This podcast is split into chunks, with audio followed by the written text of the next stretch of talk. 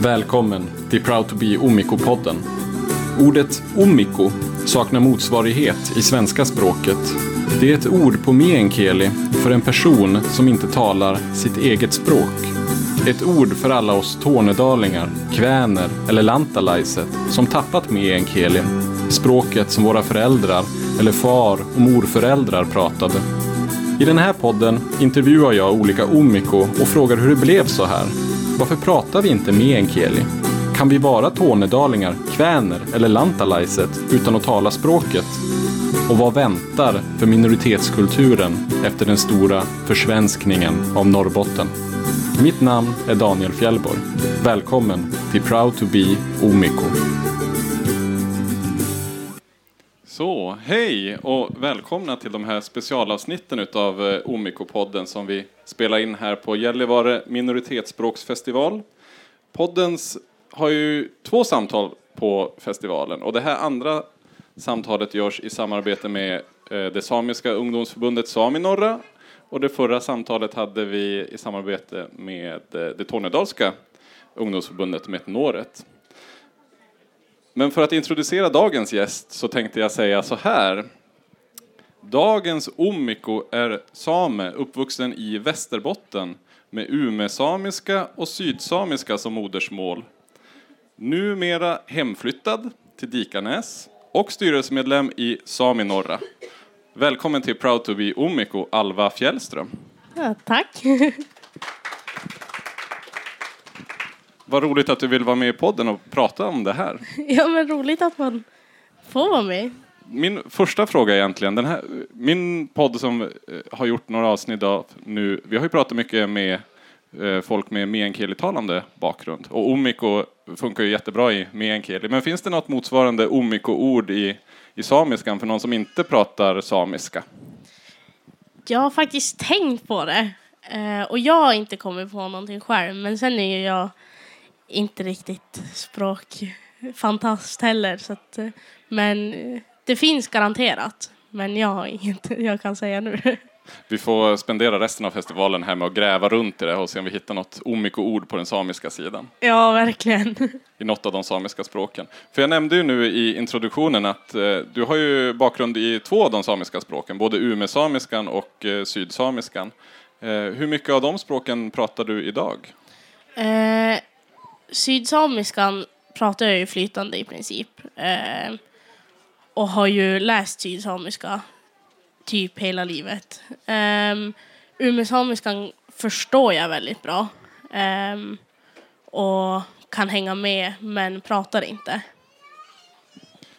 Eh, vilket år är du född? En sån där kontrollfråga jag brukar få ha koll. Jag är 2003, så jag är 19 nu. Okej. Okay. Och under din uppväxt, eh, du är uppvuxen i Dikanäs-trakten. Hur eh, användes eh, de samiska språken där under din uppväxt? Vilka pratade i din omgivning och så? Eh, jag har ju haft mycket folk runt omkring mig som har pratat samiska. Ehm, men jag har ju en ähtje som inte pratar, som är svensk. Och Chiche som inte fick lära sig av sina ehm, föräldrar. Så det har ju blivit att själv har man pratat med lite längre bort släktingar och sådär. Eh, men att man har haft de här få orden och inom renskötseln framförallt som man har pratat mycket samiska. Ja, och för att översätta till mig som är omiko även på samiska, då ahte och chiche. Ja, mamma och pappa. Bara så att jag hänger med så att jag inte missförstår dig. Oh. Um, hur såg det ut eh, när du växte upp? Var det många i den yngre generationen som pratade eh, samiska i din omgivning? Eh, jag är ju uppväxt i en väldigt liten by och har ju alltid varit i en ganska liten skola där det har varit ganska få säme. Eh, vilket har gjort att man har inte haft de här jämnåriga riktigt att kunna prata med på samma sätt. Utan det var ju när man började fara på Gelebiese eh, på språkbad och eh, började träffa andra folk utifrån som man kunde börja prata med jämlika liksom, i samma ålder. Så det var väl typ då som, man, som jag började prata med folk i den yngre generationen. Den här typen av språkbad, var det något som ordnades av Saminor eller andra som har haft det? Um, språkcentrum och Sametinget tror jag har varit inblandad. Jag vet inte. Det har funnits lite olika. Ja, så Men eh, jag sa ju umesamiska och sydsamiska. Vilka, vilka språk har använts inom familjen så att säga? Har det varit eh, båda två likvärdiga eller? Nej, framförallt sydsamiska har jag haft. Eh, I och med att umesamiska är ett väldigt litet språk och jag har inte haft någon runt mig i princip först då jag har blivit nu äldre som har pratat umesamiska. Eh, så det är därifrån jag har, och så fick jag eh, med mig av släktingar som jag träffat senare. Så det är därifrån jag har fått umesamiskan och kunnat börja förstå. Men det är ingen runt omkring mig som har pratat på det sättet som sydsamiskan har kunnat pratas. Hur går det då att plocka upp umesamiskan från, du sa att du är ganska flytande i sydsamiskan, och hur går det att plocka upp umesamiskan utifrån det? Det är jättesvårt alltså att börja, för du börjar egentligen lyssna på ett helt nytt språk men det jag har, tror jag har haft som tur med är att jag har haft så mycket runt omkring mig som har pratat alla samiska språk. Alltså det har varit både Nord och Luleå och Piteå. Alltså det har varit mycket runt omkring mig. Så det har gjort att man blir mer förstående och kan översätta mer till sydsamiska. Men det är tjorvigare när man inte har lärt sig och inte har pluggat det på samma sätt. När vi pratar då om de eh, samiska språken, vad, vad betyder de här språken för dig? Varför är de viktiga för, för dig? Alltså det är ju, för mig är det ett sätt att kunna förklara vem, vad som är och vem jag är på ett sätt. För eh, sydsamiskan har jag aldrig, jag har aldrig hittat så bra ord som på sydsamiskan och aldrig kunnat förklara mig själv så bra som när jag pratar sydsamiska. Eh, och eftersom att det är ett språk som många av mina förfäder har pratat eh, i många, många generationer så har det också blivit någonting som det har alltid känts som att någonting har fattats när jag inte har kunnat samiska. Och det är därför det har varit så viktigt. Eh, ja. Upplever du att det här är någonting som du delar med fler i din generation eller hur ser det ut? Finns det olika sätt att närma sig det? Jo, ja, alltså, jag tror att det är många som känner för det är ju en språkförlust och en, det blir en del i ens identitet som egentligen inte finns kvar, eh, som man måste ta tillbaka. Och det blir mycket så här, eh, jag har ju haft turen att jag har haft många runt mig nu i senare år som har gjort att jag har fått tillbaka den här eh, sydsamiska dialekten. Då jag kommer från Dikarna så det blir ganska mycket nordligare än den här i Östersund och i Stare och sådär. Så Mm. Men du började prata eller studera sydsamiska då i skolan, ungefär i vilken ålder?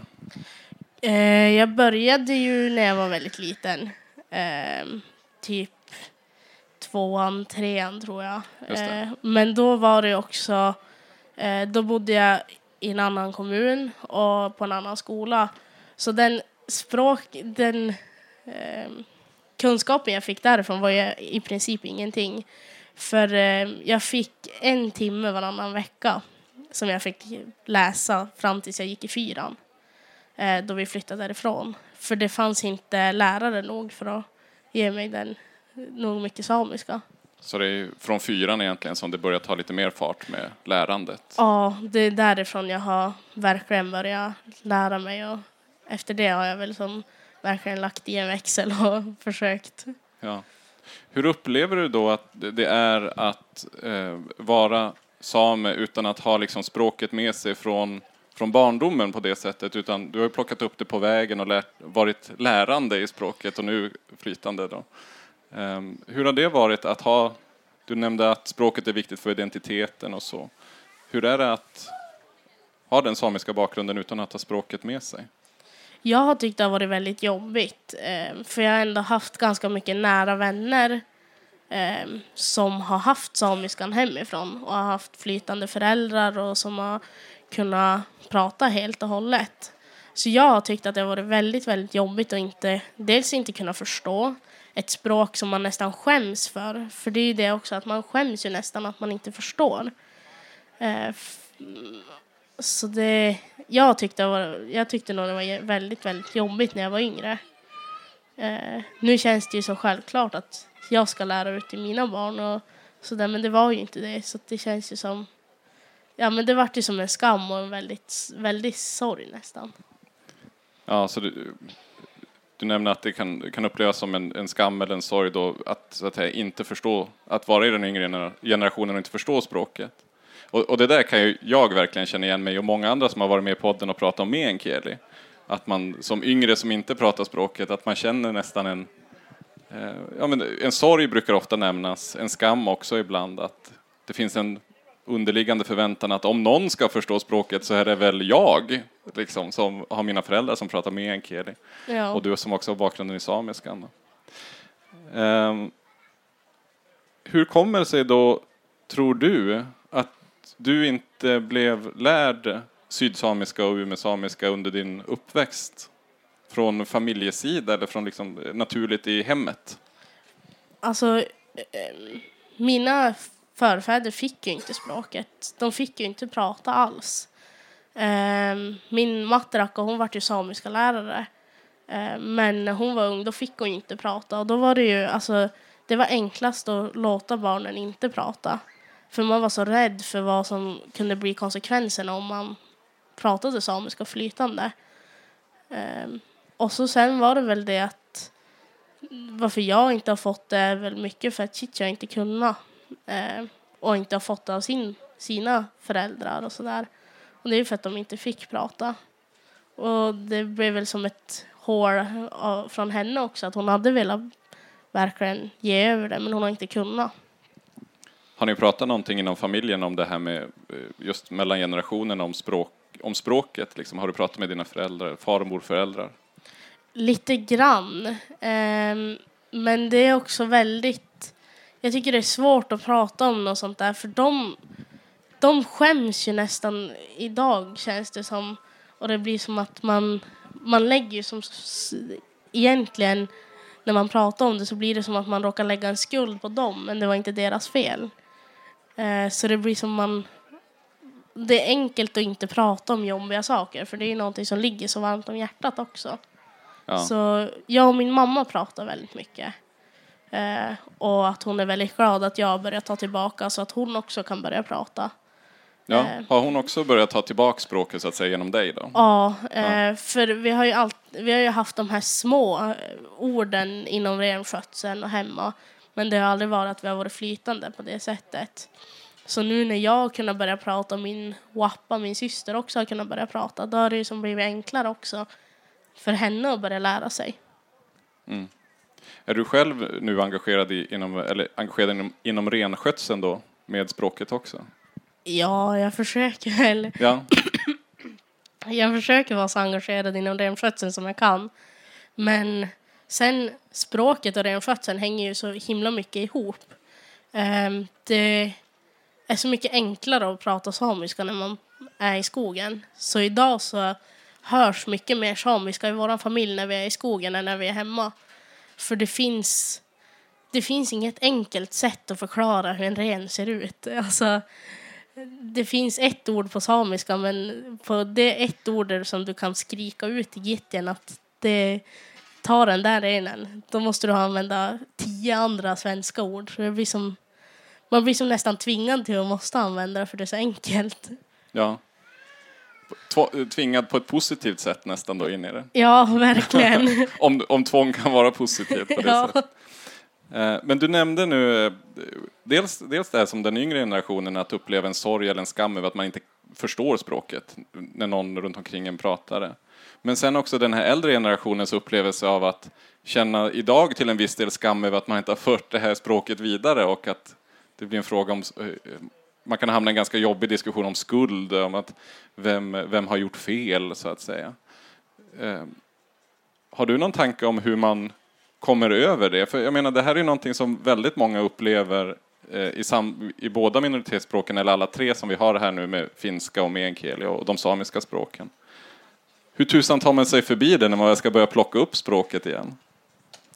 Jag tror enklast är nog att prata. Alltså, förklara att, ja men, hur, hur, och så förstå, lyssna och förstå på de här äldre. Att, hur var det egentligen och, när du inte fick ta språket?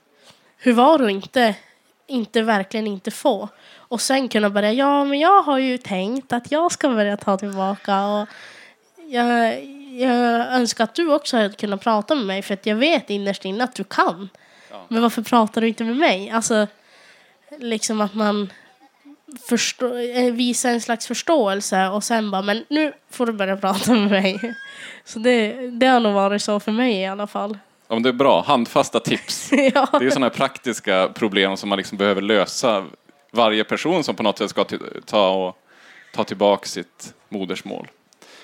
Eh, och det är ju komplicerat, just den här delen med när språket har varit förbjudna, eller språken har varit förbjudna och skambelagda. Och det sätter spärrar som inte helt löses lätt, tänker jag, med en kurs i skolan. Liksom. Nej, verkligen inte. Eh, jag har ju haft otroliga språkspärrar tidigare. Jag kunde nog mer samiska än vad jag ville inse. Eh, men hade ju den här språkspärren att om jag säger fel, om jag böjer fel, om jag... Alltså, men idag så har jag som börjat inse själv att om aldrig jag börjar prata lite halvt. Alltså det kan bli fel böjning men du förstår vad jag säger då kommer ju ingen våga börja med det. För att det var ju det som var så hemskt att det fanns språkpoliser och jag var ju så rädd för dem och man, bara, men alltså, jag, jag kan inte nog mycket för att prata. Så själv var jag bara, äh, nu, man måste bara komma över och inse att någon måste väl börja prata halvvärst annars fortsätter vi inte. Ja, det är bra. bra. Jag ska ta till med det där, för jag upplever själv också att med meänkielin så har jag själv också de där språkspärrarna. Och du vet, jag försöker slänga in några meänkieliord här och där. Ja, det, men det känns märkligt alltså. Det känns lite konstigt. Speciellt i ett sammanhang när många kan prata flytande meänkieli perfekt. Då blir det extra bråkigt liksom i huvudet. Ja. Men jag ska ta till mig dina, dina råd här. Ehm, jag funderar på Sami norra är du engagerad i. Hur kom det sig? Ehm, ja men man har, när jag var yngre så hörde man ju mycket om Samnor man hade mycket äldre kusiner och eh, ja men mostrar och sådär som eh, hade varit på årsmötena och varit på olika aktiviteter och sagt att det här, det är grejer. Far hit. Det är skitkul. Och särskilt jag som kanske inte hade så mycket så här runt mig. Så då var det liksom att ja men far hit, det blir jätteroligt. Eh, så jag for på två årsmöten, tyckte att det var jätteroligt, hittade massa nya kompisar. Och så började jag väl inse att det här är ju sådana där grejer. Jag har alltid varit så här att jag vill prata och säga vad jag tycker och tänker och ha mycket åsikter. Och då insåg jag väl där på andra årsmötet att men det här är nog en arena där jag kan uttrycka mig och göra det jag vill och göra de projekt jag känner för. Um, så då fanns det en plats kvar i styrelsen och jag sa ja men här vill jag vara. Det blir jättekul. Det låter ju som att ni passade ihop väldigt bra då. ja. Hade det någon betydelse för eh, ditt, eh, ditt språk eh, återtagande eller utvecklingen av ditt eh, kunnande i sydsamiska och umesamiska då? Ja, alltså det har ju gjort jättemycket. Jag har ju blandats med massa olika människor som har massa andra samiska språk. Ehm, så jag har ju börja förstå på ett helt annat sätt. Eh, för eh, det är ju väldigt många som kan det flytande och som verkligen försöker prata med alla de träffar för att de vet att du kan lite grann. Och du kommer förstå lite grann och du kommer förstå sammanhanget. Eh, så det har ju gjort jättemycket för mitt språk att jag har fått höra andra prata. Och, ehm, och, och ta upp andra samiska språk har ju gjort väldigt mycket. Men också kunna, eh, för mitt språk och språkåtertagande så har det väl gjort mycket också att bara kunna göra någonting för de här kommande människorna, alltså för kommande ungdomarna. Att, ja, men när jag far på årsmöten och när jag är där som styrelsemedlem då kan ni alltid prata samiska med mig och jag kommer alltid prata samiska med er. Alltså jag, ni har inget annat val än att lyssna och sen då översätter jag jättefort om jag ser att ni inte förstår eller men det gör ju någonting att jag blir ju tvingad till att prata med de här yngre för att jag vill verkligen att ni ska ha det. Alltså, så det har gjort jättemycket. Dels att förstå andra men också att kunna göra något för de här som kommer och ungdomarna efter mig. Mm. Om vi ska vända blicken, vi ska närma oss avrundningen utav vårt samtal och, och kanske vända blicken då lite grann mot framtiden. Hur, hur vill du liksom fortsätta din relation till det umesamiska och sydsamiska språken? Eh, uh, Umesamiskan hade jag velat läsa en nybörjarkurs i. Det har jag varit jättesugen på att se och vara med och testa uh, och lära mig mer. Um, sydsamiskan vill jag ju fortsätta och bara prata. Um, jag tänkte plugga på universitet uh, för inom samiska då. Uh, men också, jag vill ju kunna nog mycket samiska för att kunna ge bort till mina barn. Eh, och kunna ge dem eh, att de blir flytande inom samiska. Så det är väl det jag ser med framtiden. Men också kunna eh, bli helt eh, totalt flytande. För nu är jag väl flytande med en viss grammatisk fel. Men eh, att jag kan bli helt totalt flytande och kunna eh, ja, men, göra andra grejer. Och kunna, kunna själv vara i skogen, prata helt och hållet. Ja. Hur tror du om framtiden på lite mer, så här, mer generell nivå? Vi har ju pratat om, om bakgrunden i de här språken på lite, på lite en generell nivå om att det har funnits ett förbud mot att prata språken, att det har funnits eh, skam, skambeläggning på dem. Eh, hur tror du om eh, framtiden för umesamiskan och sydsamiskan? Kommer det att finnas Eh, finns den här skammen kvar för framtiden eller har det förändrats? Jag tror att det håller på att förändras. Eh, det blir nog bara bättre. Eh, och just det att vi får väldigt mycket mer människor som pratar. Eh, men sen ser man ju att språken växer ju. För att man ser på de här föräldrarna som kommer nu att de tycker att det är så viktigt att deras barn kan flytande samiska eller har det i bakhuvudet i alla fall. Eh, så jag tror ju, för umesamiskans del så är det nog jätteviktigt att det växer. Eh, för det är så pass litet. Men jag ser ändå att, jag skulle ändå se att det växer nu. Eh, nu tycker, för, tycker man att det är så viktigt att barn har det. Ja, för min del så verkar det ju som att den där skamdelen har ju åtminstone du och din omgivning kommit väldigt bra över. Kanske till och med in i en stolthetsfas. Ja, lite grann. Eh, Det är nog så. Jag är jättestolt över att jag kan samiska och att jag har tagit tillbaka det. Eh, Ja, men sen ligger väl fortfarande skammen kvar i att man inte kan det helt och hållet och att man inte har alla grammatiska rätt och sådär. Men nej, Ja, man går alltid- tänka, det går inte att tänka på så mycket för då, då kommer du sluta prata. Nej, det är bra. Sluta tänka, börja göra. Ja, lite så. Ja. Eh, Min sista fråga är så här, är det någonting som vi eh, inte har pratat om som du hade velat prata om? När vi börjar närma oss slutet. Jag tror inte det. Jag tycker vi har haft ett väldigt bra och uttömmande eh, samtal. Det var väldigt kul att höra, höra din historia. Så med det så säger jag tack till Alva Fjällström för att du var med i Proud to be Omiko-podden och berättade din historia. Men tack att jag fick vara med. Tack för att du lyssnat på Proud to be Omiko-podden. Följ oss gärna på Instagram för uppdateringar om nya avsnitt. Eller besök vår hemsida, www.omiko.se. Proud to be Omiko gjordes med stöd av Svenska Kväner Lantalaiset, en dotterförening till Svenska Tornedalingars riksförbund, Tornion Laxon Laiset. Musiken ni hör i bakgrunden är Vi är också här, Ollen Däle med Gammal. Teknisk support och design gjordes av Martin Lindvik. Mitt namn är Daniel Fjellborg. Så rösterna det glömda folket. Vinden stämmorna bär. Genom dalvärd fjäll så ropar vi att vi är också här. Och den där